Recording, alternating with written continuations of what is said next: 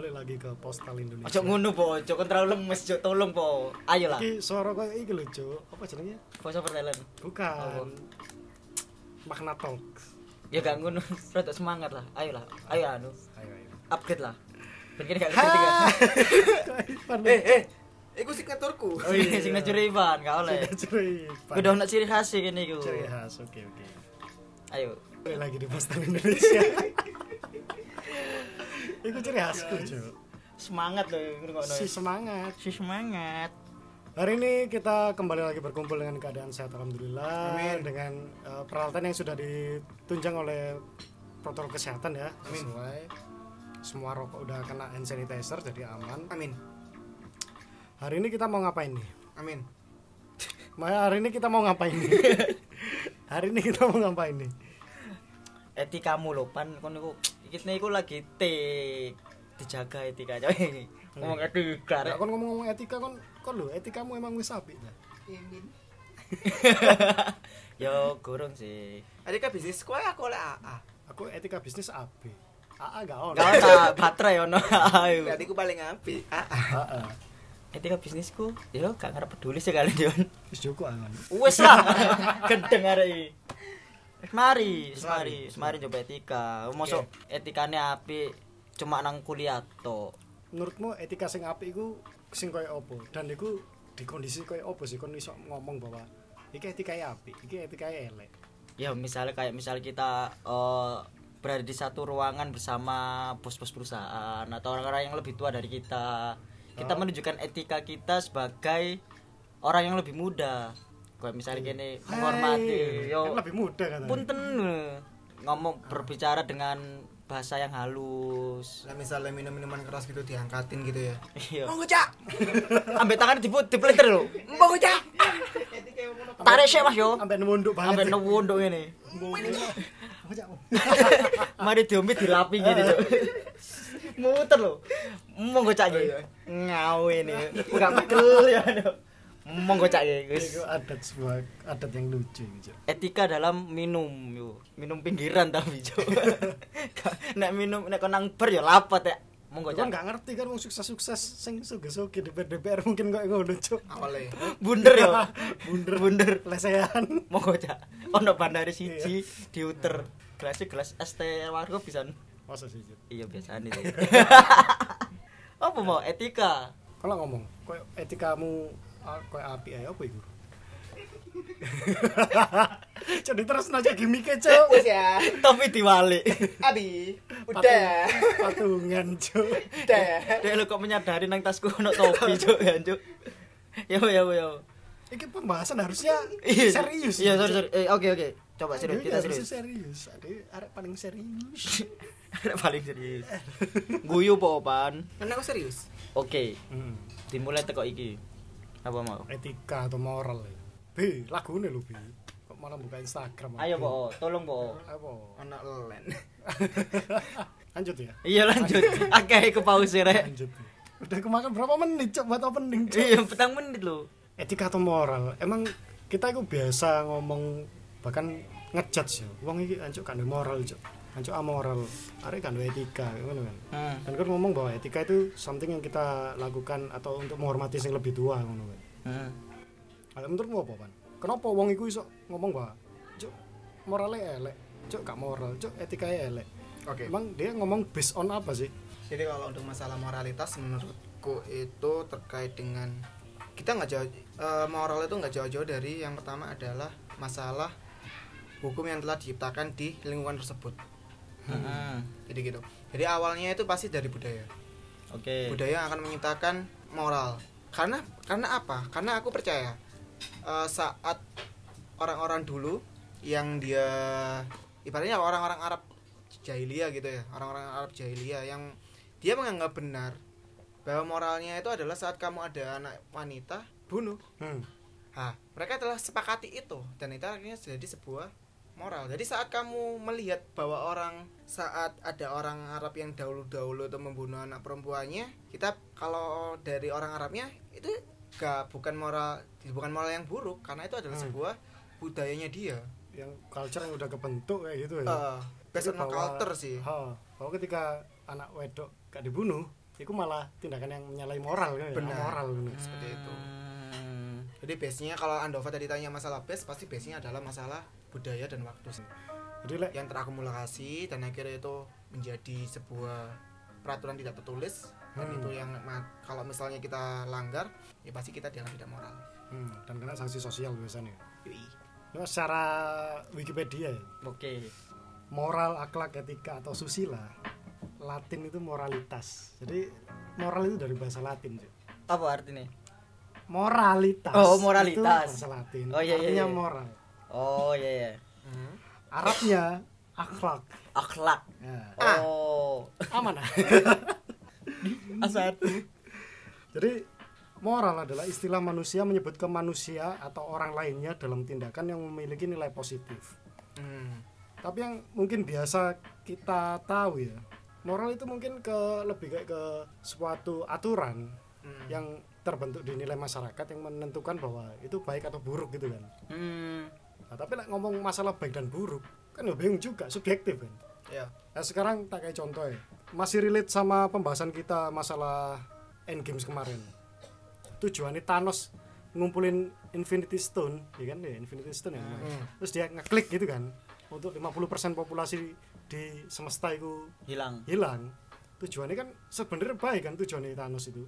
Karena manusia itu mulai toksik, ya Ah. mulai semakin elek dan nggak ada keseimbangan antara semesta dan alam, eh semesta dan manusia ini dan isi sini. Makanya dijadikan kayak gitu ben rebalance kayak gitu kan, Hmm. recalibrate. Tapi dalam pelaksanaan nih kan yo akhirnya Avengers melawan itu. Iya. Lah, lek menurutmu Dewi, si yang dilakukan Thanos itu baik apa buruk sih? Yang dilakukan oleh Thanos. Hmm. Oke, kalau dari aku terkait dengan masalah dan baik dan buruk, yang pertama itu adalah eh, kalau dilihat dari baik dan buruk, kita lihat dulu dari ini ya, apa namanya kayak lebih ke definisinya sih. Hmm. Kalau dari baik kan kalau menurut aku yang tak baca Hmm. dari dulu adalah sesuatu yang berharga untuk suatu tujuan. Jadi saat kamu udah saat kita sudah punya tujuan, terus kemudian saat kita sudah sudah punya tujuan dan kita melakukan hal-hal tersebut untuk mencapai tujuan kita itu adalah hal yang baik. Hmm. Itu terlepas dari masalah konteks itu benar dan salah karena benar dan salah adalah saat aturan itu dilawan, maka itu akan berakibatkan bisa benar dan bisa salah. Aturan dilawan, berarti itu salah karena sebenarnya aturan itu harus ditaati. Makanya itu adalah benar. Ah. Nah, kalau untuk baik dan buruk itu lebih ke kayak saat visi kita, makanya itu secara subjektif ya. Secara Hmm. visi kita itu adalah saat tujuannya Thanos Baik kan? Untuk Baik. alam semesta. baik untuk alam semesta, baik. Namun saat orang-orang tidak saat di lingkungan apa ya, saat di sekitarnya atau secara general masyarakat di sana tidak menyetujui, Hmm. orang yang merasa masyarakat yang tidak menyetujui itu akan mengang- menganggap bahwa Thanos itu adalah salah. Hmm. Jadi, menurutku saat kita bisa menerima itu baik dan buruk itu saat ada kebenaran yang banyak. Kita anggap aja itu adalah demokrasi. Meskipun ada yang bilang bahwa tidak semuanya demokrasi itu baik. Ya. Ya, Namun itu adalah cara untuk mencapai Tujuan kemufakatan. baik. kemufakatan, tujuan baiknya kayak gitu. Ya, tujuan baik kebanyakan orang kayak gitu. ya. Hmm. Kalau dilihat dari Thanos emang tujuannya baik. Cuman karena itu tidak sesuai dengan apa yang diinginkan oleh banyak orang, maka itu adalah salah. Ya, Eh, buruk, buruk. buruk. Lah menurutmu B. ya jet lah. Baik atau buruk ya? Ha, Apa yang dilakukan Thanos? ha. Menurutku buruk karena yang menentukan kehidupan di bumi eh, itu baik untuk di recovery atau enggak Hmm. itu bukan haknya Thanos bukan haknya Thanos Ha, bukan haknya Thanos ha. tapi haknya yang menciptakan universe itu sendiri kan Hmm. karena kan ya itu tadi kalau misalnya kita berusaha untuk memperbaiki sesuatu atas keinginan will kita Hmm. akan ada pihak-pihak yang dirugikan karena kita nggak tahu secara total apa yang mereka inginkan apakah kebalansan yang seperti ini itu benar apa baik apa enggak jika dilakukan efeknya seperti apa karena itu masuk ke subjektif Nah, benar. Nah, terus menurutmu win solusinya seperti apa? Agar nanti Thanos itu bisa diterima oleh semuanya. Jadi win solution kan itu kan kayak kita itu bisa menggabungkan antara predik ini A Thanos yang Hmm. dan pasukannya yang ingin meng- membanguskan separuh umat di semesta ini Hmm. sama umat semesta yang nggak setuju. Nah, itu win solusinya kayak gimana menurutmu? wah berat sekali ya win-win solution kalau Ipan tadi ngomong demokrasi nggak semua demokrasi berakhir baik kalau misalnya dipakai sup- super power juga akhirnya malah egois selfish. Itu pertanyaan juga sih. Aku nggak bisa nggak berani jawab secara kompleks. Eh secara kompleks secara validasi ya Hmm. menjawabnya cuma itu juga jadi pertanyaan yang mungkin apa namanya pertanyaan mind blown mind blowing. Yo, apakah yang dilakukan itu benar atau enggak? Karena balik lagi ke baik atau buruk kita ngomong. baik atau buruk. Hmm. karena balik lagi ke subjektif Ah, tiap manusia kan juga diberkahi oleh pemikiran yang berbeda-beda ada yang menurut dia ini baik tapi ada yang lagi yang bilang ini buruk Hmm. kita nggak nggak bisa mencari kebenaran yang hakiki itu Ayo akhirnya makanya saat sintetis sama tesis, tesis dan antitesis jadinya sintetis gitu loh. Nah, Oh. apakah ini maksudku kenapa aku tanya kayak gitu karena apakah mungkin baik dan buruk itu kita bisa sintetiskan? Kita akhirnya menemukan salah satu formula di mana itu dua-duanya itu bisa clear atau semua-semuanya itu bisa sepakat. Oh, ini berarti iki iki sajane api is kayak ini. Jadi kayak di tengah-tengah ini Hmm. tuh loh. Itu menurutmu bisa nggak baik dan buruk itu? Jadi co- contohnya Ya, contohnya adalah pertanyaan yang kayak Thanos itu. Cuma intinya di sini secara garis besar adalah saat apakah kita itu bisa baik menggabungkan? dan buruk itu bisa bertemu Mm-mm. kalau menurutku baik dan buruk balik lagi kayak omongan Majid subjektif Hmm. tergantung ke penilaian orang kan Hmm. jadi suatu case itu kita kita cuma murni menilai bahwa ini baik ini buruk kayak gitu kan Mm. contoh sing wong Arab iku mau kan Yo. sama itu dipateni secara sing duwe anak wedok buruk Mm. tapi secara mungkin secara kekerajaan baik itu kan orang kita kan menilainya dari baik dan buruk tapi kalau untuk menemukan titik ketemunya mungkin itu nanti bisa jadi ketemunya ke hukum Yo. Nah, ada hukum-hukum anu nah dan itu balik lagi ke diomongin ya kan untuk mencapai mufakat itu mau hal yang kita anggap buruk dan hal yang kita anggap baik kita cari jalan keluar Bisa. Nah. Tadi ya, kamu nggak bisa. bisa Oke. tapi itu bukan bukan untuk menentukan kita baik buruknya karena kita juga bingung kan kenapa hal itu bisa dibilang baik Yo. kenapa contoh kayak aborsi kenapa aborsi itu dibilang buruk padahal ibu yang mengandung ini nggak pengen janin ini keluarganya nggak mau nggak mau janin ini dan mungkin nggak mampu untuk karena dia mikir aku nggak mampu keluarga aku nggak mampu dan lebih masih belum proper untuk punya anak. Yo. dan ketika aku ngelahirin anak iki sakno anak iki malah urip miserable kan nang dunia ini. Aku sebagai orang nggak bertanggung jawab. Mending mumpung belum punya nyawa tak aborsi. Tapi menurut pendapat orang lain itu suatu hal yang buruk, Buruk. Ah, Ya kan? karena membunuh. Bunuh iku. Janin Iya, itu nah. ah, karena kan sebenarnya kalau janin kan misalnya kayak contoh janin itu ya. Hmm. kan udah ditakdirkan sih hitungannya. Ya sesuatu yang eh, rezeki sesuatu yang ditakdirkan tapi ditolak Hmm. akan jatuhnya ke dosa. Ya. Nah Mm-mm. itu untuk sebagian orang yang berpersepsi aborsi ini buruk.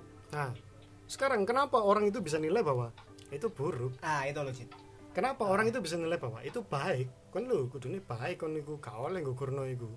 Mungkin kalau secara masyarakat umum ya hmm. eh kita ya kayak Ipan tadi ngomong eh, ada norma-norma di masyarakat yang itu Hmm. dituliskan yang dituliskan entah itu tersirat ataupun tersurat Hmm. tersirat tersurat itu yang tulis ditulis ya nah tersirat kan secara omongan hmm. Secara nah. nah juga cur sih ya makanya itu kan jirat kan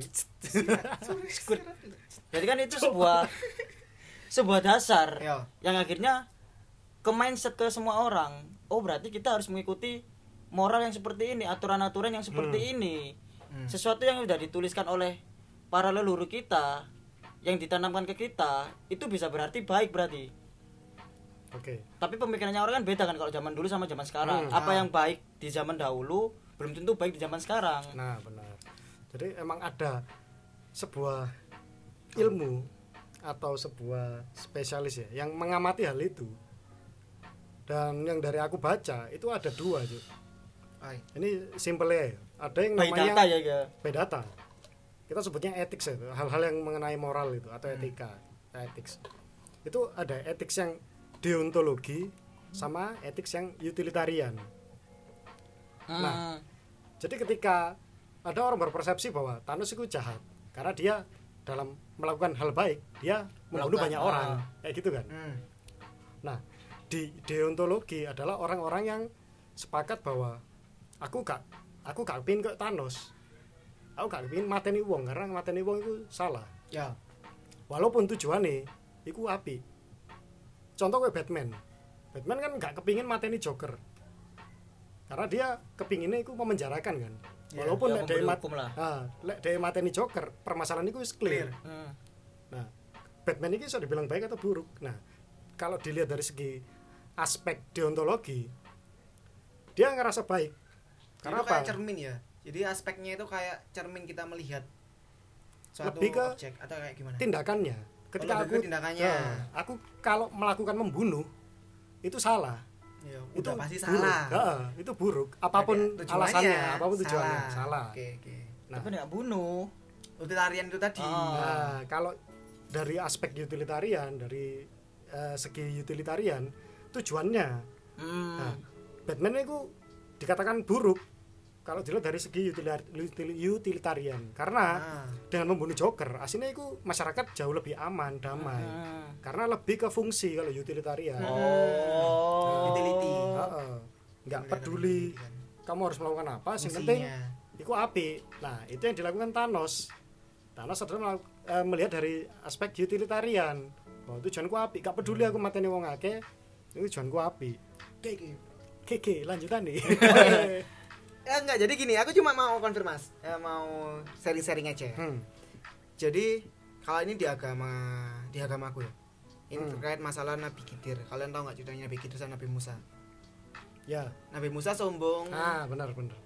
Nabi, Nabi Musa sombong dengan aku yang paling dekat dengan Tuhan. Ah. aku yang paling dekat dengan Tuhan ininya dengan Tuhan ya. Hmm. Kemudian Tuhan menegur kamu lah bu- bu- kamu bukan salah satu orang yang paling dekat denganku akhirnya Nabi na- akhirnya Tuhan Allah itu ada informasi kalau ada yang namanya Nabi Khidir Hmm. Nabi Khidir akhirnya Nabi Musa berguru Nabi Khidir secara singkatnya berguru terus kemudian dia mengikuti Nabi Khidir Ah. Oh. tantangannya adalah pantangannya Nabi Musa adalah tidak boleh tanya Hmm. terkait semua hal yang dilakukan oleh Nabi Khidir atau menentang ya atau menentang. Yang pertama, Nabi Khidir pernah merusak kapal sama Nabi Musa. Nabi Nabi Khidir kan yang merusak kapal hmm. sampai welek. diwajurno sak bolong Diajuin sampai elek. Dah, Nabi Musa tanya, "Lu kenapa?" Gak dijawab. Wis siji. hmm. Hmm. dihitungi ya Hmm. perhitungan buat Nabi Khidir Iya. Iya. Sing kedua, cok ngawur lambe mujid aku sih salah. aku kan gak jawab. Aku mek Kan jawab. Toh. Kok Iya. iya? Iya, iya. kan aku aku pertanyaan eh, refleks, suportif. Suportif. Terus yang kedua, saat ada anak kecil yang eh enggak, sorry. Pertama ada rumah Hah? aneh rumahnya itu yo kayak sebidang tanah tapi ada dibangun sama Nabi Khidir hmm. takut kan lho apa oh iki sampean kok bangun jauh mana yang pindo sing ketelu Nabi Khidir membunuh Seorang anak. seorang anak. Akhirnya ku clear wes gak iso dilanjut mana perjalanan nih Nabi Mi akhirnya Nabi Khidir memberikan penjelasan. Yo apa penjelasannya tuh lek kapal itu pokoknya eh, kenapa dibolongi? Hmm. karena itu nanti untuk hal jelek gitu kan? Benar. Ah, ah. oh enggak. Ada oh ini tambahan ini tambahan jadi ada ada perompak di sana oh ya Ya ada perompak di sana yang akhirnya kalau ada kapal-kapal baik biasanya disita, makanya dijelekin. Oh, jadi secara visual gak gelem lah. Hmm. Ada yang merampok, ah kapal elek. Hmm. Mm-mm. untuk nyelamatin sing duwe kapal itu mau. Oke. Karena yang punya kapal itu anak ke is- orang orang nggak mampu lah. Ah, gitu. terus terus terus. Yang kedua itu yang apa dok? rumah Rumah. Rumah. Kenapa dok? Gak tahu aku sing rumah ya Oh, rumah itu ah, karena di rumah di bawah itu Ah, ada. Jadi kita nggak tektokan ya, kita nggak tektokan. Cuma aku mau cuma pengen lempar notok. Soalnya Andova ngerti. Jadi kalau rumah itu karena di bawah itu ada harta karun di sana. Peninggalan nih almarhumah ibunya. Ah. Almarhumah ibu seorang anak. hmm. Jadi biar dia dibangun, biar nanti nggak di, biar dia tahu lokasi hartanya, hartanya itu. mana Terus yang kedua, Yang yang ketiga. ketiga, membunuh anak karena Nabi Khidir yakin kalau misalnya si anak ini dibunuh dan akan mendapatkan penggantinya lagi.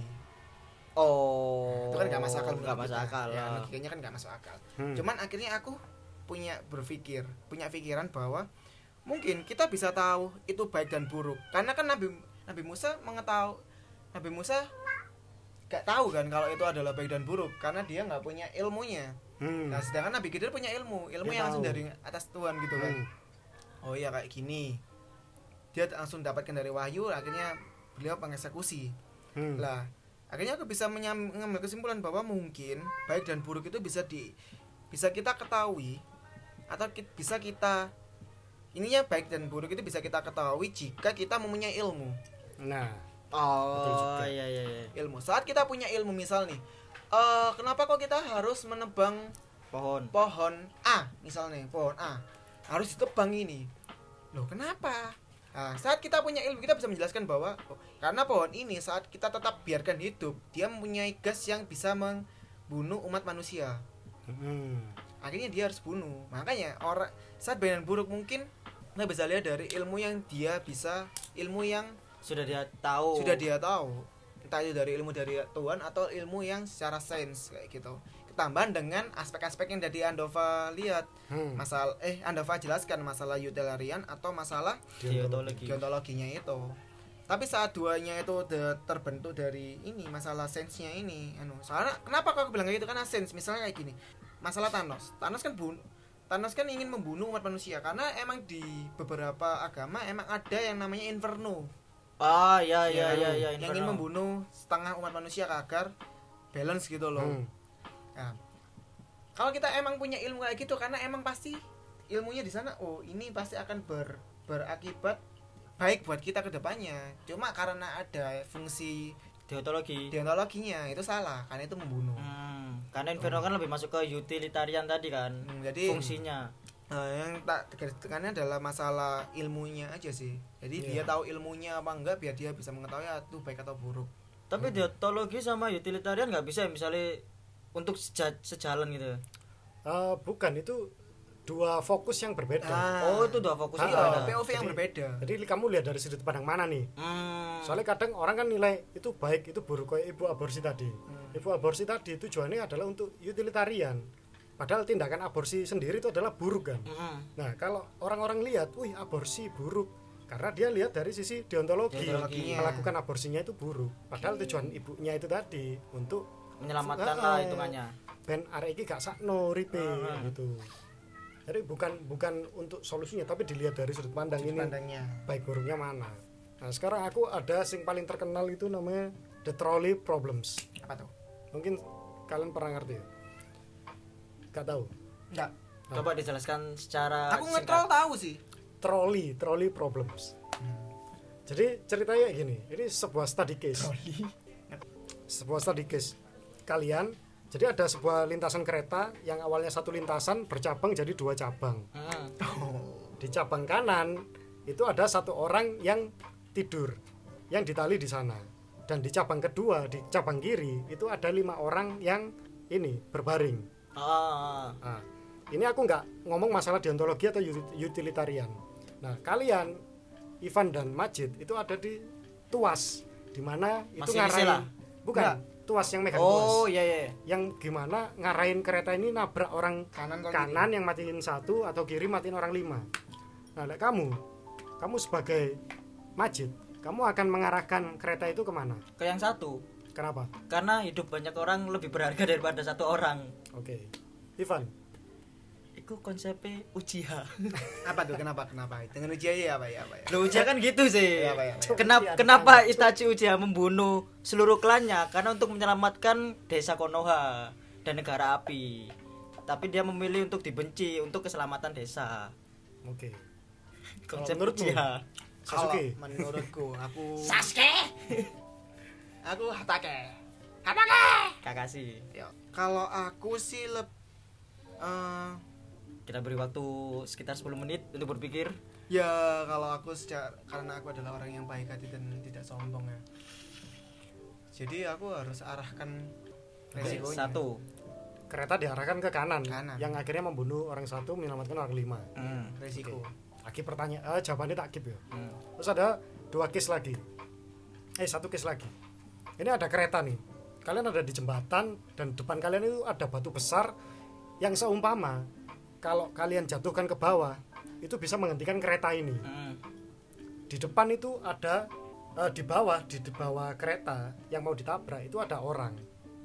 Oh, nah, kalian ini punya super power iki gawe dorong waktu itu waktu itu gawe menghentikan kereta. Ah, hmm. sing akhirnya berdampak membunuh orang. orang kan? Ah, atau kalian membiarkan itu sing akhirnya menabrak satu orang iki mau. Hmm. kalian milih mana? Di mana? Di kereta itu kan banyak orang. Dan di rel itu cuma ada satu orang. Kalian milih mana? Akan dorong itu atau biarkan? Tapi kalau didorong batunya kena kereta keretanya meninggal semua dong? Iya. Ini katakanlah case nya ketika itu ke- eh, Ketika batu itu turun, jatuh, ah, yang jadi korbannya adalah orang, orang di kereta. untuk menghentikan itu untuk Hmm. menyelamatkan orang satu.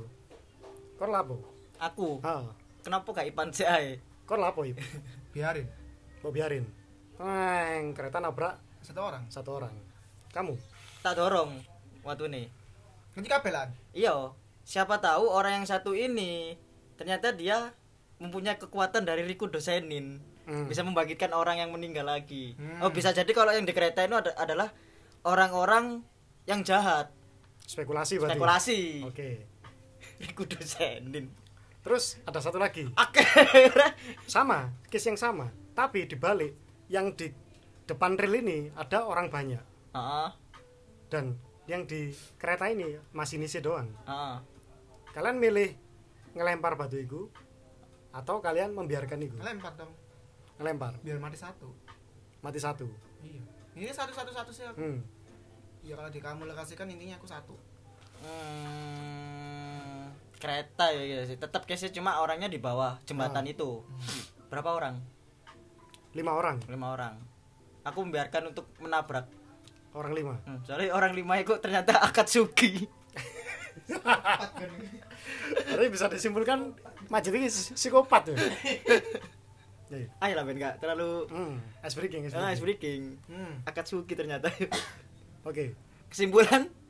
ini Bukan kesimpulan sur- survei kan Oh, survei. Kebanyakan orang di pertama ketika milih kanan kiri dia akan memilih untuk membiarkan ke kanan. Hmm. dan ketika itu pilihan sing ada satu orang di bawah orang-orang memilih membiarkan. Hmm. dan nggak menorong nggak mendorong batu. Sekarang mayoritas seperti aku ini ah, harus kayak gitu. satu satu sekarang tak kasih konteks. Ketika kamu di rel kereta yang pertama tadi milih antara kanan sama kiri yang kanan satu orang itu adalah orang yang paling spesial buat kamu.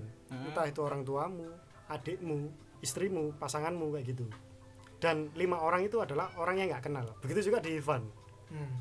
yaitu orang satu itu adalah orang yang paling spesialmu. Kamu apa yang akan kamu lakukan?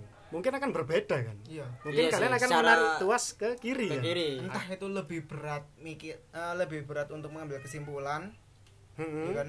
Memberikan eh, apa lebih berat untuk itu sih menindak menindak dan berpikir. Karena emang secara subjektif kita terikat dengan orang ini gitu loh nah ya kan akhirnya balik lagi kan ke Nah, subjektivitas untuk hasilnya kan kita nggak tahu Hmm. ya pasti kebanyakan orang pasti milih yang lima aja Nah, iya, karena itu orang spesial, itu ada Oh. konteks di dalamnya.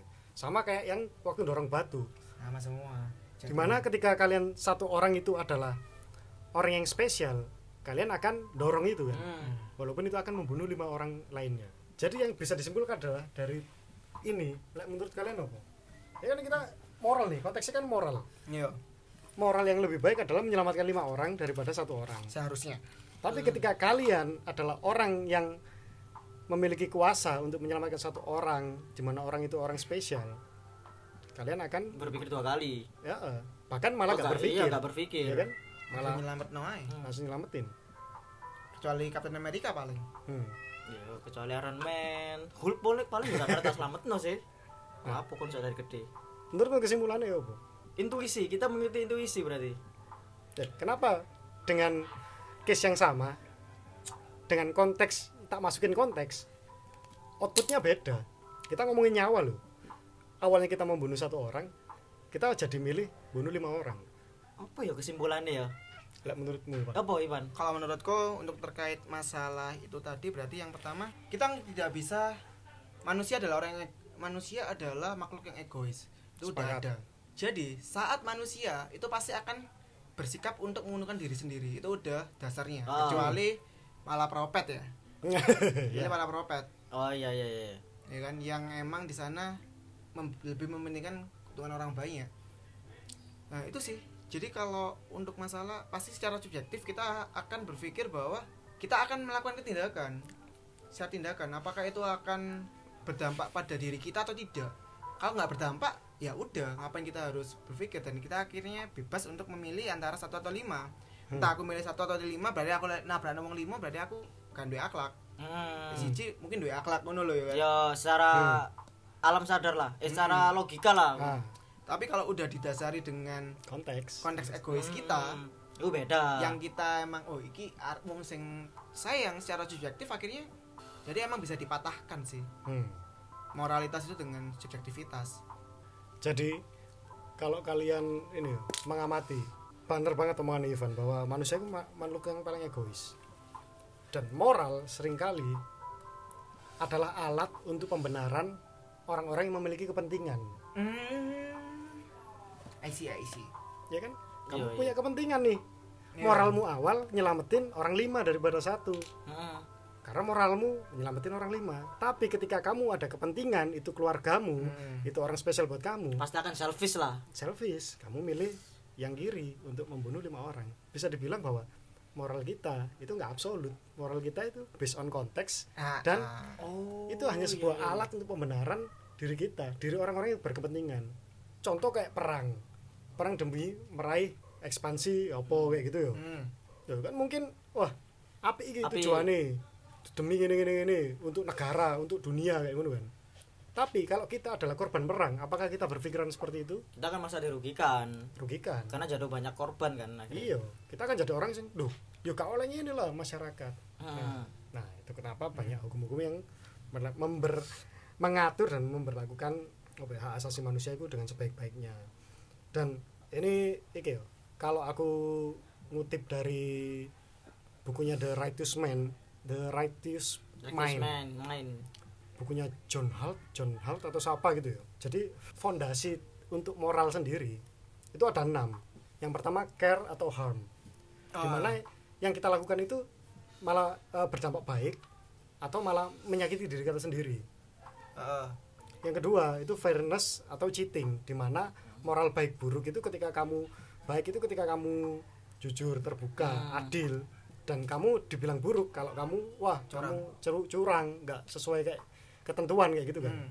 yang ketiga ada loyalty atau betrayal Hmm. di mana kamu dibilang baik kalau kamu setia pada Salah suatu satu ah, ah, setia- pihak lah, satu memihak. pihak satu instansi satu golongan dan kamu dianggap buruk ketika kamu berkhianat contoh ketika perang ada intel-intel Belanda intel Jepang kayak gitu itu buruk dinilai buruk kalau dilihat dari aspek loyalty atau betrayal.